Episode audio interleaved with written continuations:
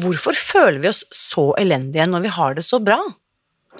Det spørsmålet får du svar på i dag når den svenske psykiateren og suksessforfatteren Anders Hansen kommer på besøk.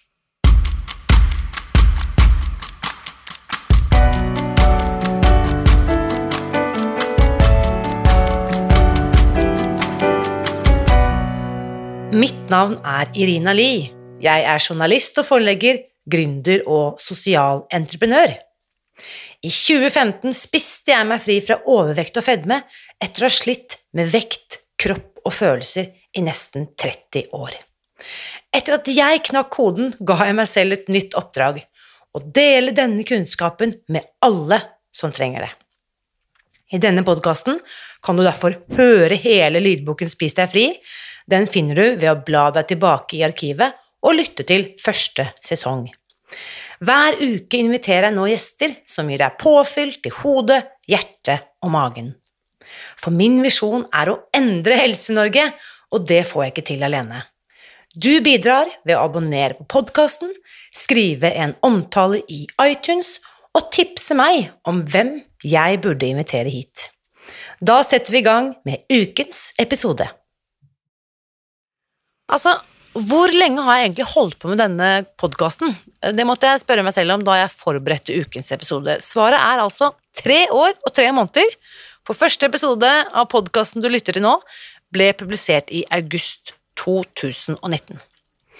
Og jeg kan med hånden på hjertet si at dette er en av de episodene jeg har forberedt meg aller mest til, rett og slett fordi temaet opptar meg så innmari. Og siden Anders Hansen er en travelt opptatt mann, som det tok meg flere uker å få på plass en intervjuavtale med, så visste jeg at jeg måtte være godt forberedt før vi møttes for å få maks utbytte av denne samtalen som du straks skal få høre. Resultatet, eh, det skal du få høre nå. Her er ukens gjest. Nei, ikke riktig ennå, faktisk. For i dag så vil jeg faktisk også insistere på at du må høre hele episoden ferdig. For helt på slutten så har jeg en skikkelig kul bonus som du ikke har lyst til å gå glipp av. Sånn, da setter vi i gang. Velkommen til eh, podkasten, Anders. Denne samtalen har jeg gledet meg til. Takk, kul å være med. Fantastisk. Du är, eh, alltså jag må si at vi, det er alltid litt sånn spesielt god stemning når vi har med svensker i, i podkasten, fordi at dere de gjør, gjør, så mye kult der borte og skriver så mange bra bøker, og det er selvfølgelig det vi også skal snakke om i dag den eh, siste boken du har skrevet som nylig kom ut på norsk, som heter Deppehjernen. Men før vi kommer til den boken, Anders, kan ikke du fortelle litt? Jeg vet at du er jo veldig kjent i Sverige, men i Norge er vi ikke så mange som har hørt om deg. Kan ikke du fortelle litt om deg selv først? Eh, jeg er läkare og psykiatriker og forfatter. Og eh, jeg, har, jeg skrev under mange års tid om medisinsk forskning parallellt med läkarlinjen och AT och specialisttjänstgöringen. Ehm, och så småningom så skrev jag Eh, en bok med en kollega som är professor på KI som handlade om hur motion påverkar oss, fysisk aktivitet och att eh, det påverkar kropp, våra gener, hur det påverkar vår kropp, hur det minskar risken för sjukdomar och eh, hur det påverkar hjärnan.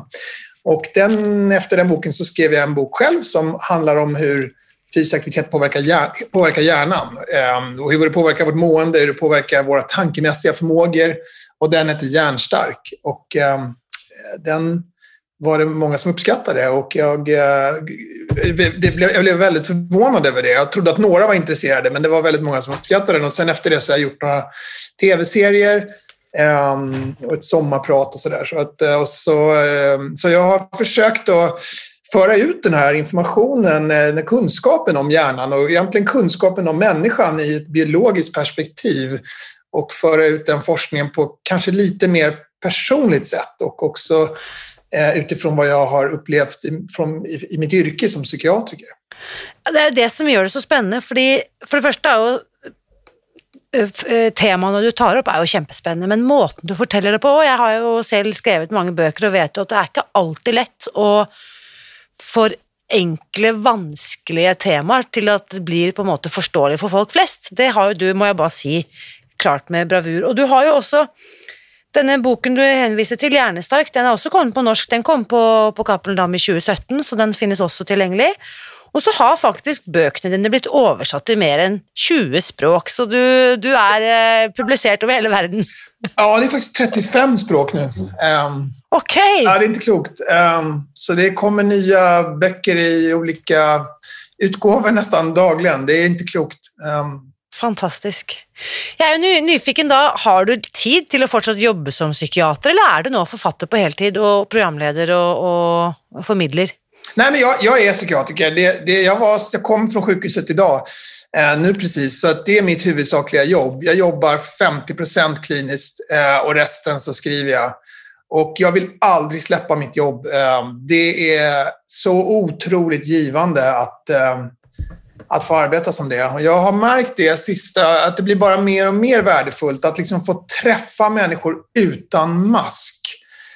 Man går ja. inte till en psykiatriker och säger att det är toppen, utan man, är, man säger sitt innersta. Och eh, det är ganska få personer i livet som man, som man liksom möter utan mask. Det kanske är ens partner och föräldrar eller, och några få kompisar, men som att få ha det här yrket där man träffar tusentals personer som verkligen berättar hur det är, det är mm. otroligt givande. Och om man då är intresserad av mänsklig natur så är det ett oslagbart sätt att lära sig mer om människan. Liksom.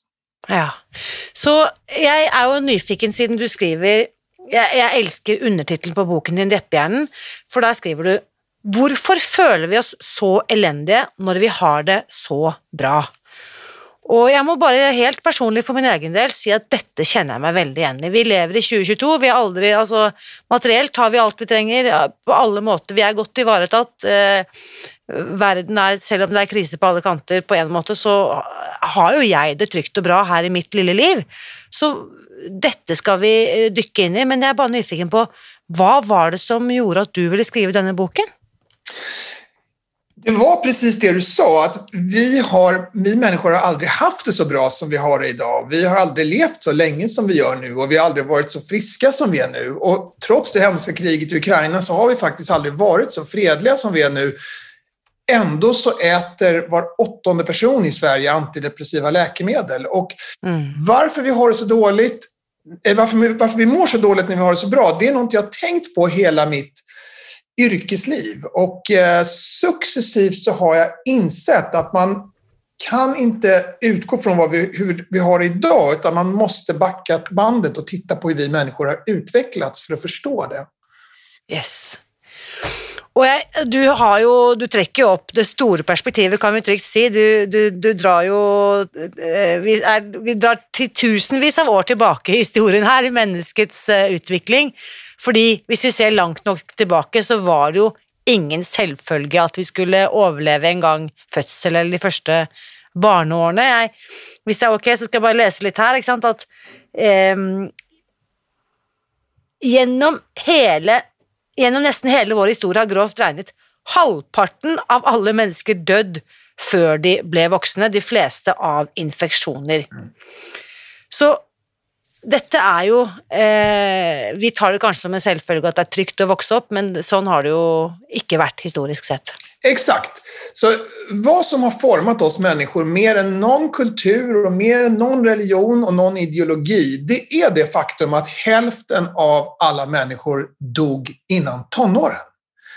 Ja, och, det, och de dog inte av hjärtinfarkt och cancer, utan de dog av infektioner, svält, blödningar och mord. Och så här var det fram till bara för ett par generationer sedan. I början av 1900-talet så dör eh, så, så är de vanligaste dödsorsakerna i Sverige tuberkulos, mag-tarminfektioner och, och lunginflammation. Och då dör åtminstone en tredjedel innan de blir vuxna. Så, så att det, det, är det som har format oss. Vi är ättlingar till de som inte strök med av infektioner, svält och blödningar och mord. Och det betyder att vi som lever idag, vi har skyddsmekanismer i oss eh, som skyddar oss mot sånt som har tagit koll på oss historiskt. Så att vi lever i en värld som vi inte längre är anpassade för. Hjärnan tror bokstavligt talat att vi är kvar på stenåldern. Den ja. försöker skydda oss mot svält. Hur gör den det? Jo, den vill att vi ska sätta i oss alla kalorier vi kommer över. Och det gör ju då när vi lever i en tid där kalorier är nästan gratis, eller billiga i alla fall, att vi äter och äter och äter. Och i de mm. perspektiven så, så är det inte så konstigt att människor har typ 2-diabetes och eh, övervikt och fetma. Eh, det, och, och, det är också så att i den värld som, där, som utvecklade oss så, så var det, det var förmodligen en väldigt farlig värld. Och de som målade fan på väggen, som såg faror överallt, de hade bättre odds att överleva. Och, det, eh, och att gå runt och se faror överallt, det är det vi kallar för ångest. Och hälften av ens benägenhet att få ångest sitter i ens gener. Den finns där redan när man föds. Och det är när jag förklarar det för patienter på det sättet att det är inte konstigt att det finns människor som har ångest. Det konstiga är att det finns människor som inte har ångest. Och det är de som borde ha en diagnos. När man förklarar det på det sättet då, då, säger en del att nu fattar jag. Det är inget fel mm. på mig. Jag är inte trasig. Jag är inte skadat gods. Och just det där att sätta det man upplever, till exempel ångest, i ett annat perspektiv det kan vara oerhört viktigt för hur man upplever det. Mm. Uh, det, synes jeg, det her må vi dvele litt ved, for at det, bare for å gjenta det du sier her nå. Det er den som har vært fare og vært litt engstelig og hatt litt sånn ekstra årvåkenhet, det er de menneskene, det er de av oss som har hatt sånne forfedre som har vært skapt for å overleve. Det er, det, det er grunnen til at vi er her. Exakt så. Ja. Så det å ha litt angst, det kan faktisk da være en fordel rent i ett historiskt biologiskt perspektiv. Precis, och, och, ett annat perspektiv man förstår då är att våra, det, det, det, viktigaste jag aldrig fick lära mig på läkarlinjen, det var att kroppen är inte utvecklad för hälsa. Den är utvecklad för mm. överlevnad och, och, mm. reproduktion. Hjärnan är inte utvecklad för välbefinnande. Den är utvecklad för överlevnad och reproduktion. Och den kommer alltid prioritera det. Om man är med om något hemskt om man bevittnar något hemskt eller blir utsatt för något hemskt, en olycka eller ett övergrepp eller någonting sånt, då kommer man förmodligen få plågsamma minnesbilder som hemsöker en på nätterna i form av mardrömmar, i dagarna, på dagarna i form av flashbacks. Och de finns där därför att hjärnan försöker hjälpa en. Den vill till yes. vilket pris som helst att man ska undvika att hamna där igen. Och därför kommer den så fort någonting påminner om det hemska, det kan vara bara att man är på samma plats eller i samma stadsdel eller kanske en låt man hörde eller en lukt eller något annat, då plockar den fram det här hemska minnet. Och det gör den för att den försöker hjälpa en. Och mm. Det här betyder inte att de här flashbacks eller mardrömmar blir mindre påfrestande, men det, man förstår på ett annat sätt att man inte är trasig. Och just yes. det där är viktigt, har jag tänkt på så mycket, i och med att jag är, befinner mig i ett yrke där vi behandlar en åttondel av befolkningen. Och då har jag ofta tänkt på det, att går, går var åttonde vuxen svensk runt och tror att han är sönder, eller hon är sönder. Och det är därför det är så viktigt att backa bandet och förstå vad vi människor är mm. utvecklade för. Vi lever inte längre på savannen, men våra hjärnor och kroppar tror att vi gör det. Därför yes. vi har gjort den här övergången till vår moderna värld så otroligt snabbt. Så jeg vil jo anta at eh, Sverige, i likhet med Norge, det er fortsatt tabu og skam knyttet til psykisk sykdom. Det å ikke mestre eller ikke få til eller føle seg nedstemt eller ha angst eller panikk, det er ikke noe man på en måte gjerne Not something you brag about. Men akkurat det du gir en forklaring på her, er jo at det kan jo også gjøre skammen lettere, eller rett og slett punktere skammen. Ja, absolut. Och, och det viktiga att förstå här är att det, att ångest, eller för den del depressioner, det är inte karaktärsbrister. Det har inte att göra med att man ska ta sig samman. Det är oerhört kraftfulla reaktioner. Och att säga till någon som har kraftig ångest eller som är nedstämd att ryck upp dig eller känn glädje, det är ett hån. Naturen mm. bygger inte så lätta mekanismer så att de kan fintas bort med wellnessfloskler. Men bara för att återvända till det du just sa, i Sverige så har faktiskt stigmat kring psykiska sjukdomar eh, inte försvunnit helt, men försvunnit ganska mycket. Folk har en helt annan öppenhet om det här idag jämfört med bara för 20 år sedan. Och det, nackdelen med det kan ju vara att man börjar tro att vanliga känslosvängningar är något sjukligt. Att man börjar medikalisera sånt som är, hör livet till.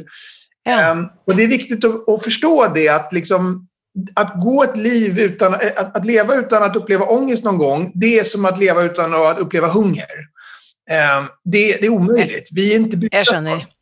Så, så du... att, eh, jag tror att det här minskade stigmat, eh, det är inte helt oproblematiskt, men överlag så löser det fler problem än det skapar. Absolutt. Og jeg, jeg, jeg syns også det var interessant å lese her. I, i, du har jo et eget kapittel om angst og panikk. Og, og du skriver her også at det, i Sverige, da, rundt en fjerdedel av oss får en eller annen gang i livet et panikkanfall, som er den mest intense formen for angst. Mm. Kunne du si litt, for de som ikke nødvendigvis har erfart dette på kroppen, hva er det som kjennetegner et panikkanfall? Et panikkanfall er en enormt stark känsla av att, man, att någonting är fel. Eh, och det är enormt påfrestande. Det kan innebära svettningar, hjärtklappning, eh, att man har svårt att få luft. Man kan känna att man måste ut från en plats till vilket pris som helst. Ofta så har det, kan, man kan få det i stängda utrymmen, till exempel i en tunnelbana. Eh, de flesta som drabbas av ett panikanfall första gången, de kommer in till sjukhus och de tror att de har fått hjärtinfarkt eller något annat. Och ehm, då måste man naturligtvis utesluta att det inte är hjärtat, det, för det kan man inte veta innan. Men om, om det visar sig sen vara ett panikanfall då, så, så, så är det första som man ska göra som läkare det är att förklara att, att eh, det här är inget farligt. Det, det känns fruktansvärt, men det är inte farligt. Hjärtat kommer inte att sluta slå, även om det känns så. Men det viktiga att förstå där är att panikanfall, de fyller ingen funktion idag. Om jag är i tunnelbanan och skulle få ett panikanfall, då är det, det är fullständigt dysfunktionellt utifrån mitt perspektiv. Men om man backar bandet och tänker på hur det har varit för 99,9% av alla människor, då förstår man att det kan ha fyllt en funktion. Om vi tar ett exempel. Om jag befinner mig på savannen och det prasslar i buskarna, då kan jag tänka, äh, det där är säkert bara vinden och så struntar jag i det. Eller så kan jag rusa därifrån i fullständig panik. Om det visar sig vara vinden och jag springer därifrån, vad förlorar jag på det? Ja, då förlorar jag 100 kalorier. Det var min kropp gör av med när den rusar därifrån i panik. Om det visar sig vara ett lejon och jag inte springer därifrån, vad förlorar jag då? Ja, då förlorar jag 100 000 kalorier. Det var lejonet mm. får i sig när han käkar upp mig. Alltså jag förlorar mitt liv. Så bara enligt den krassa kalorilogiken då så bör man slå på sitt stresssystem tusen gånger i onödan för att undvika en gång när det verkligen är på allvar. Man bör acceptera tusen falsklarm för att inte missa den gången det verkligen smäller. Och man kan skratta åt det exemplet naturligtvis, men det ger ändå en viss förståelse för vad som blev följden av att våra stresssystem kalibrerades i en livsfarlig tid. Mm. Det, man ska inte fråga sig vilken typ av situationer, vilken, vilken typ av funktion fyller panikanfall idag. Man ska fråga sig vilken typ av funktion kan de fyllt i den värld som utvecklade oss? Kan det ha funnits situationer då det var värdefullt att till vilket pris som helst försvinna och, och, och rusa ifrån en plats? Och det, så mm. var det förmodligen. Och när man förklarar det här för patienter då har jag haft patienter som har sagt sånt som att, jaha, så ett panikanfall är bara ett falsklarm som visar att man funkar normalt. Ah. Precis så är det. Och när den här mannen som sa det förstod det, då kom panikanfallen mer sällan. Nettopp. Det, det är, och så, och det, så att bara den här kunskapen i sig kan faktiskt vara terapeutisk. Ja. Och, och, just det där att liksom, om, om du går i psykoterapi så kommer en viktig del av det vara att du ska försöka ta ett kliv åt sidan och se på dig själv från läktarplats och försöka förstå varför du gör som du gör i vissa lägen. Och där har jag märkt att man kan använda sig av hjärnan för att få det här perspektivet till läktarplats. Man kan säga, jaha, min hjärna vill bara eh, den, den vill att jag ska rusa iväg, för den tänker hellre en gång för mycket än en gång för lite. Ja. Eller man kan säga att det är bara min amygdala som spökar, för den vill att jag ska se världen som farlig. Och när folk börjar se på ångest på det sättet, då kan det ha just samma funktion faktiskt som terapi kan ha.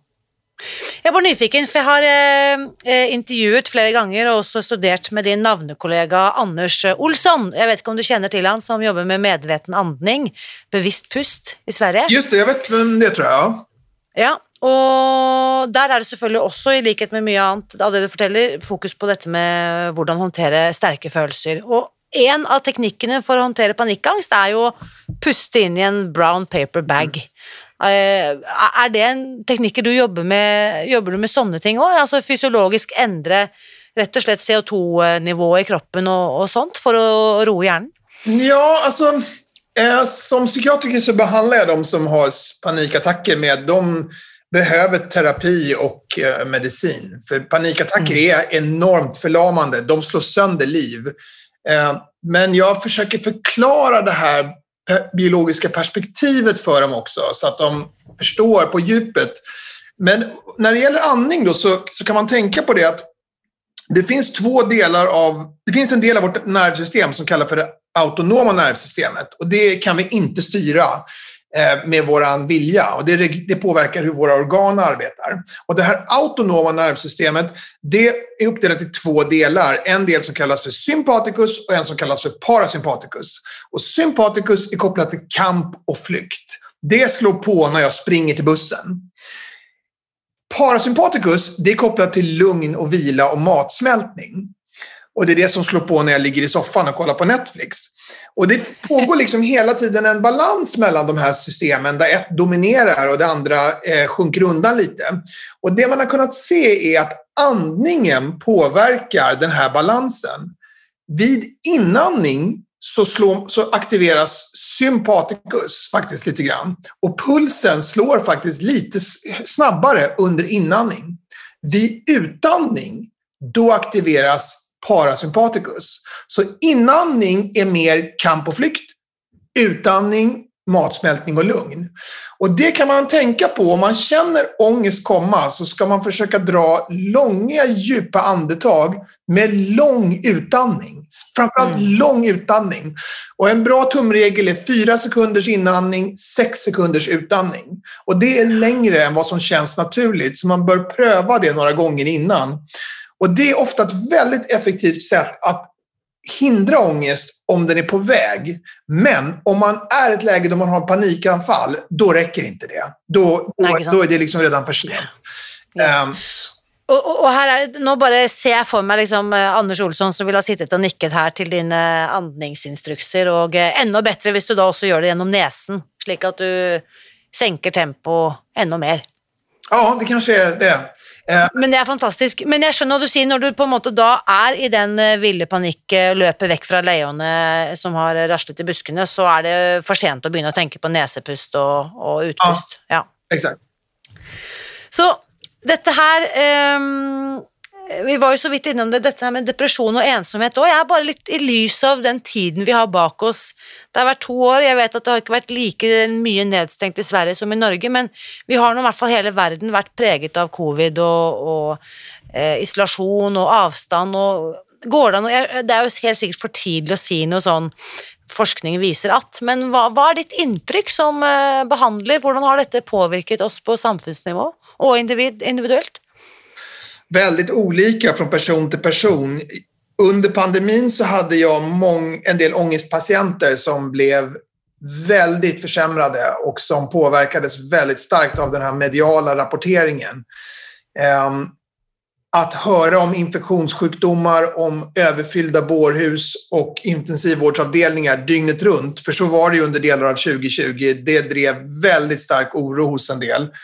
Ehm, och jag såg en del som var fruktansvärt plågade av det. Men jag såg också de med ångest som blev lugnade därför att de dels upplevde de att, de att alla andra var oroliga och då lugnades de av det. Men framförallt så upplevde de att stimuli och stress utifrån minskade när de jobbade hemifrån. Så det är svårt ja. att generalisera, men, men eh, de sista två åren har ju om inte annat visat um, att, vi inte, att det har visat vilket starkt socialt behov vi har och att det sociala behovet inte kan ersättas med skärmar. Det tycker jag ja. alla har insett nu. Fantastisk på, altså påminnelse om at uh, verdien av å komme sammen og være fysisk møtes, at det, det, det, det, har vi nesten ikke skjønt hvor viktig det har vært før vi har blitt fratatt det gode. Mm. Og så mm, tenker jeg også på i forhold til dette her med mm, Du har jo skrevet bøker om det tidligere også, men dette med fysisk aktivitet, vi må si litt om det. Eh, Sammenhengen der med hvordan vi beveger oss, og hvordan vi har det. Eh, kan du ikke si litt om det, Anders? Jo, absolut. Og fysisk aktivitet då är ju liksom något som vi har associerat med idrott och prestation. Eh, och när man tittar på vad som händer i kroppen och hjärnan av det så förstår man att det har inget med det att göra. Det är något som, något som vi som människor som art är utvecklade för. Man, vi vet idag att man förbättrar i princip samtliga tankemässiga förmågor om man rör på sig. Man blir mer koncentrerad, man minns bättre, man tål stress bättre. Man blir mer kreativ. Eh, men de mest intressanta effekterna är just på vårt mående. Och det har visat sig att fysisk aktivitet är en behandling för depressioner eh, som är lika effektiv eller jämf har jämförbar effekt med antidepressiv medicin vid mild och medelsvår depression. Men att få någon som är deprimerad att motionera är svårt därför att man vill inte göra något om man är deprimerad.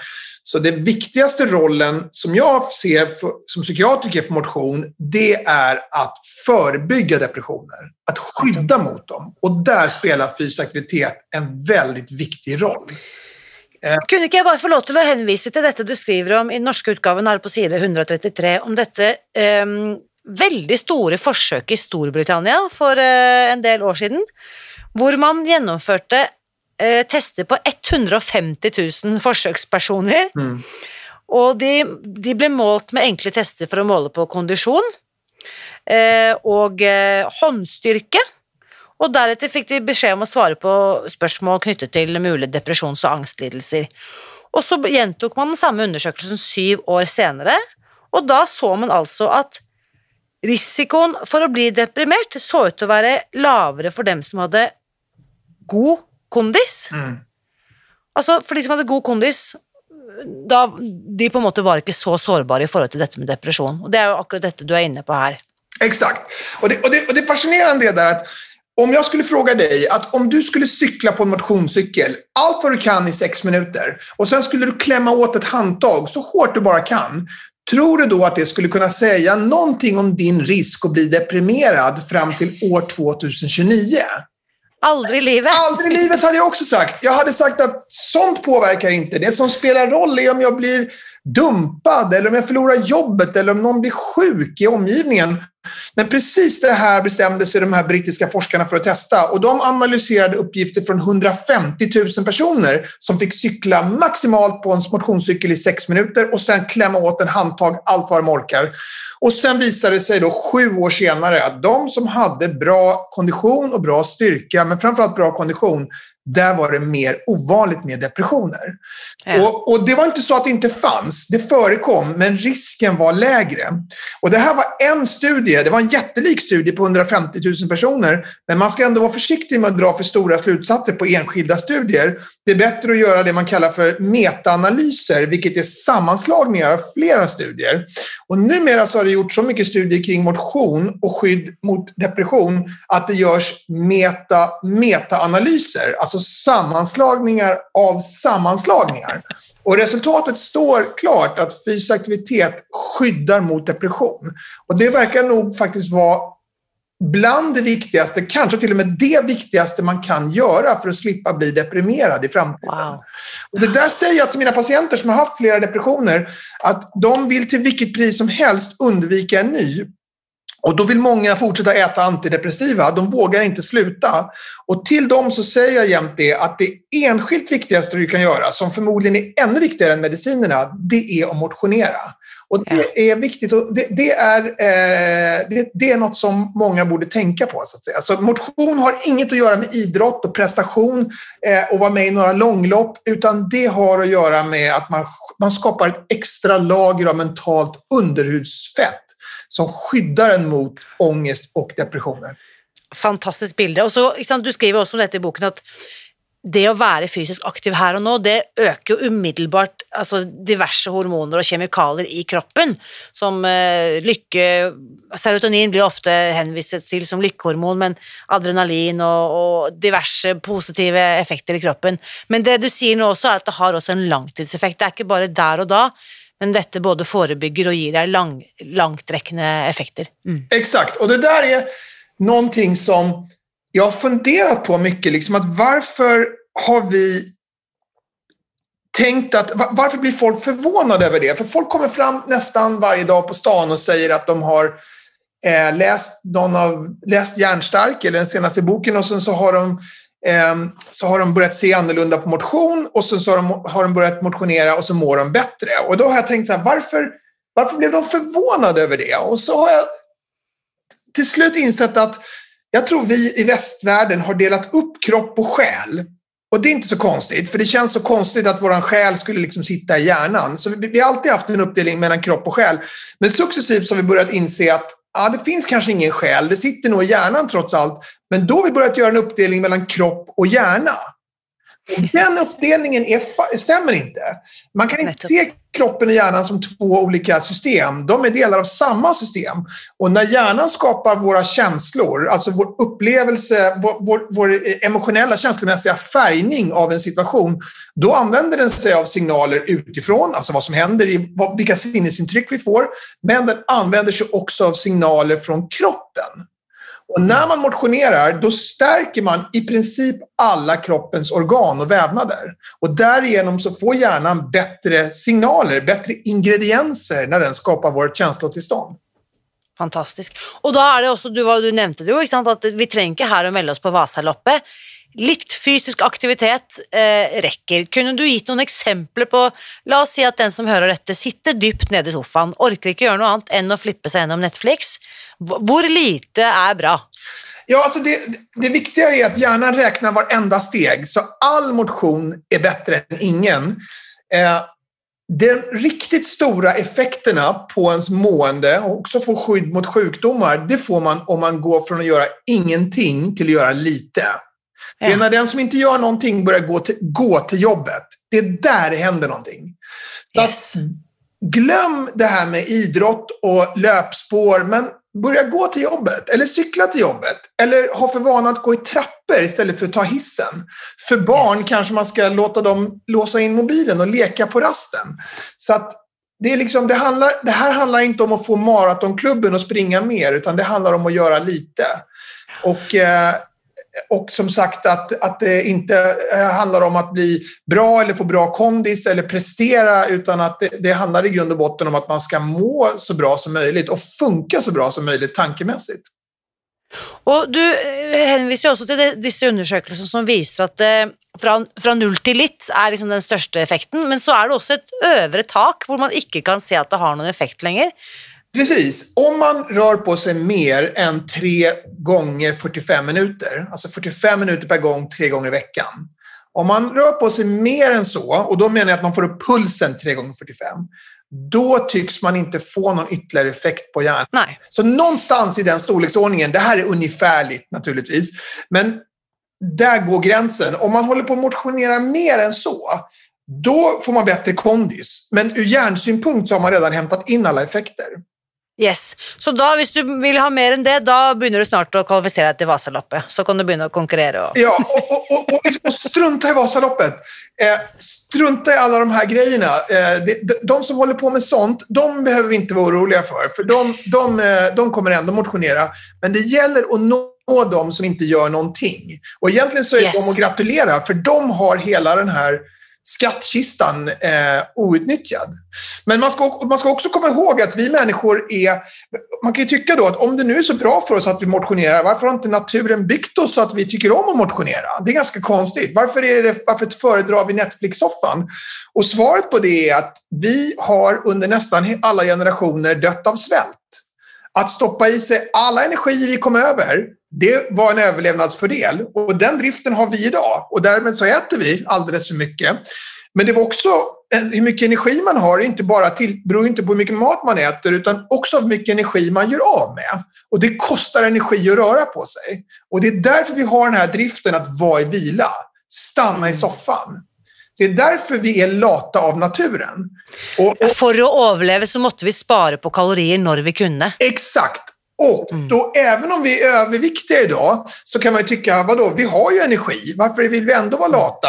Och förklaringen till det är att det har nästan aldrig funnits någon övervikt under människans historia. Övervikt har varit ett obefintligt problem, medan hotande svält har varit ett gigantiskt problem.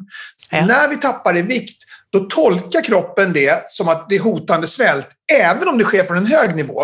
Så att vi har att att vi, att vi motionerar, det är egentligen ganska onaturligt för oss. Om vi skulle berätta för våra förfäder att vi springer och så kommer vi tillbaka till samma plats och så lyfter vi upp tunga saker i luften och ställer ner dem utan att åstadkomma någonting. Då skulle våra förfäder säga att ni är inte kloka. Att, mm. att, slänga sin energi på något sånt, det måste varit lika dumt som att kasta mat i sjön. Så att vi har ett kluvet förhållande till motion, det är inte konstigt. Och det här är ju då starka instinkter i oss som vi måste försöka överkomma. Så det är också eh, spännande, ikke sant? dette som du var inne på nu också, detta med born to avoid starvation. Altså vi är födda för att undgå sult. Eh, att vi sulter ihjäl. Så jag läste en, Jeg så en oversikt som anslår att på 1920-talet, alltså nøyaktig 100 år sedan, då var snitt-BMI för människor eh, i den vestlige verden mellan 21 och 22. Så det vill säga slanke, normalvektige människor. I dag är den inte det längre, å si det sånn. Jag vet inte talen för Sverige, men i Norge är i hvert fall 7 av 10 norrmän överviktiga, alltså med en BMI på över 25. Så kroppene våre har jo endret seg väldigt raskt. Eh, men hjärnan vår utvecklar sig selvfølgelig mycket långsammare.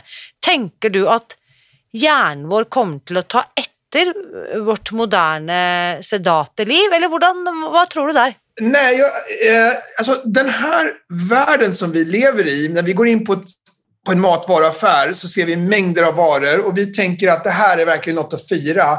Det här är eh, ett framsteg för oss människor det är i själva verket en enorm utmaning för oss människor. För vi är mm. utvecklade för att kunna eh, stoppa i oss all mat. Och den mat som var det bästa som fanns på savannen, så det var söta frukter och liknande. Och det betraktar vi som nyttig mat.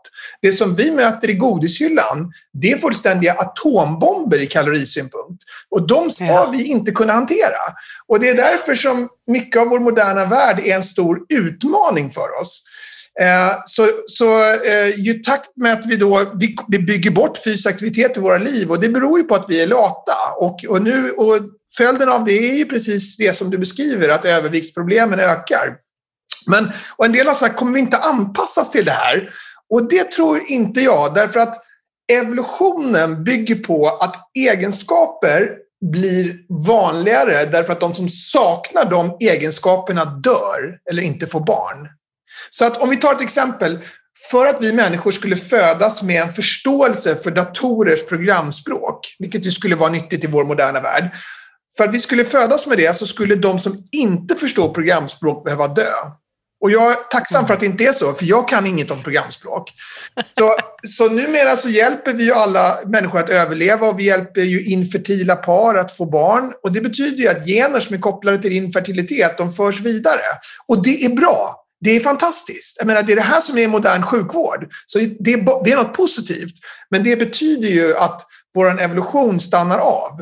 Och eh, jag tror personligen att den eventuella förändring som kommer ske med människan, det är den vi väljer att göra själva om vi börjar klippa och klistra i vår arvsmassa.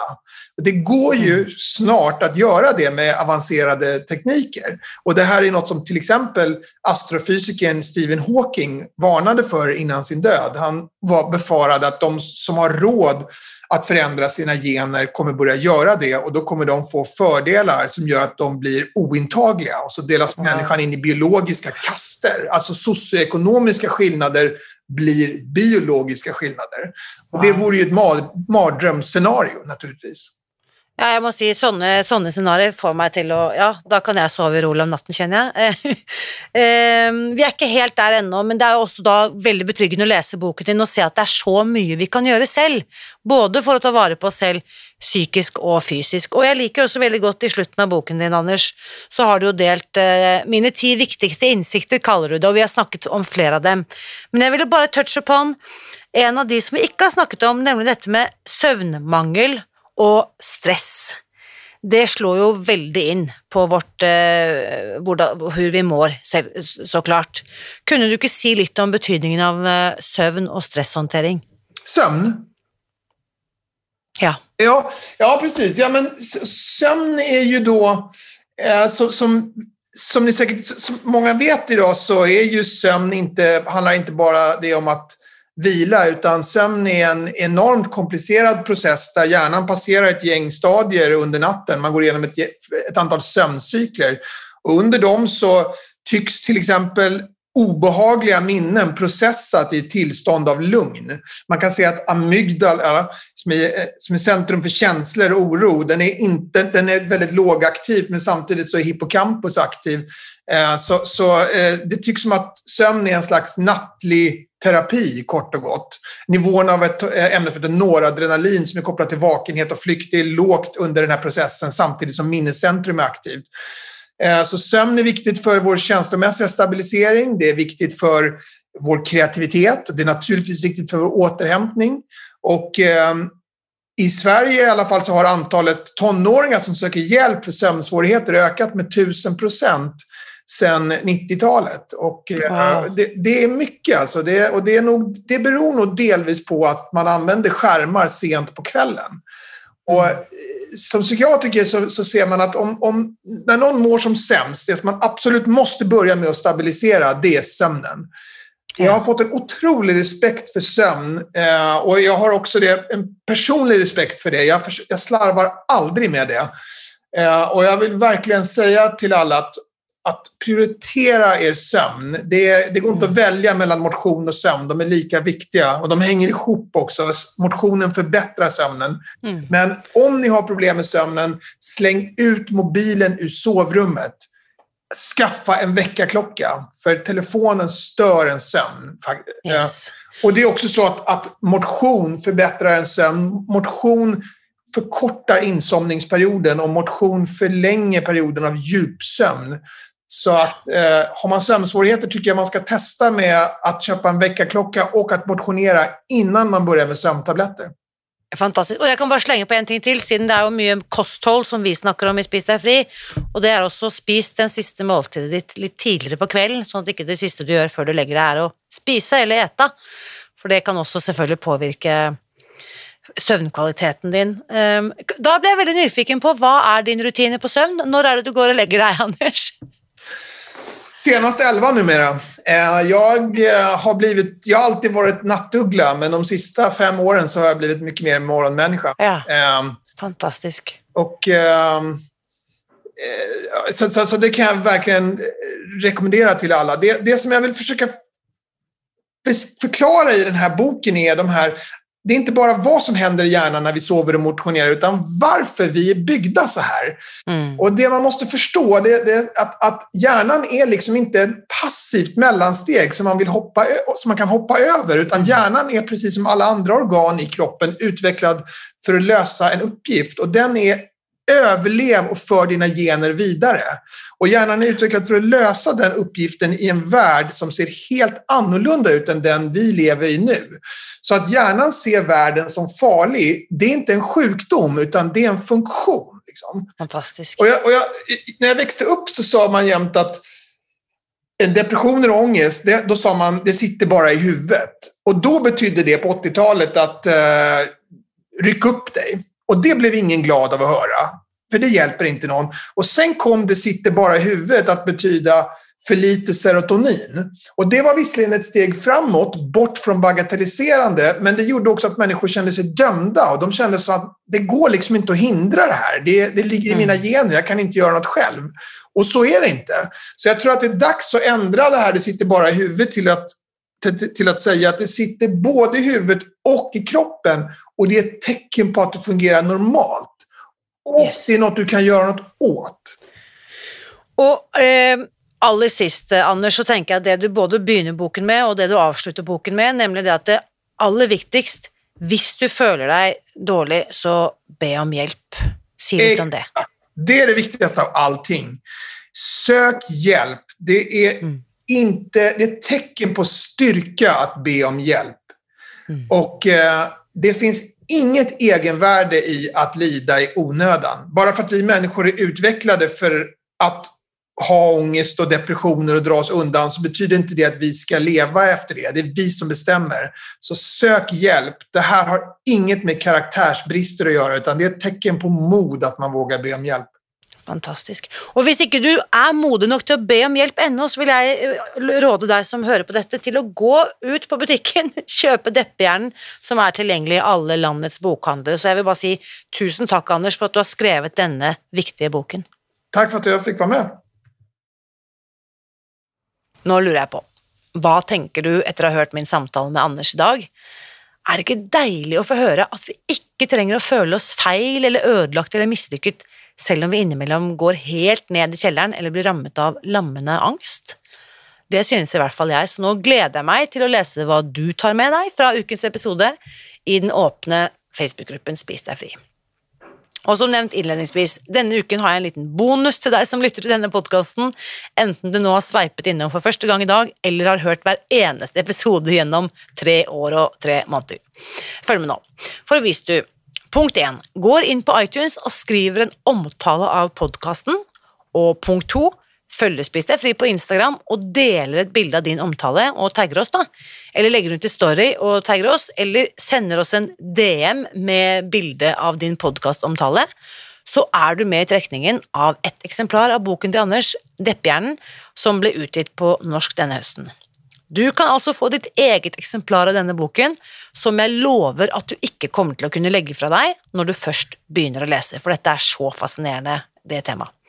Så da kan du altså slå to eller kanskje tre fluer i en smekk. Du kan fremsnakke denne podkasten på iTunes og gi deg selv god samvittighet fordi du deler denne viktige kunnskapen med flere, samtidig som du får sjansen til å vinne boken Deppehjernen, som du absolutt må lese. Har vi en avtale? Veldig bra, da gleder jeg meg til å lese din omtale av dagens episode og alle de andre 164 episodene som jeg har delt med deg gjennom de siste tre årene. Og husk også, uansett hvem du velger å fremsnakke, så vit at jeg heier på deg.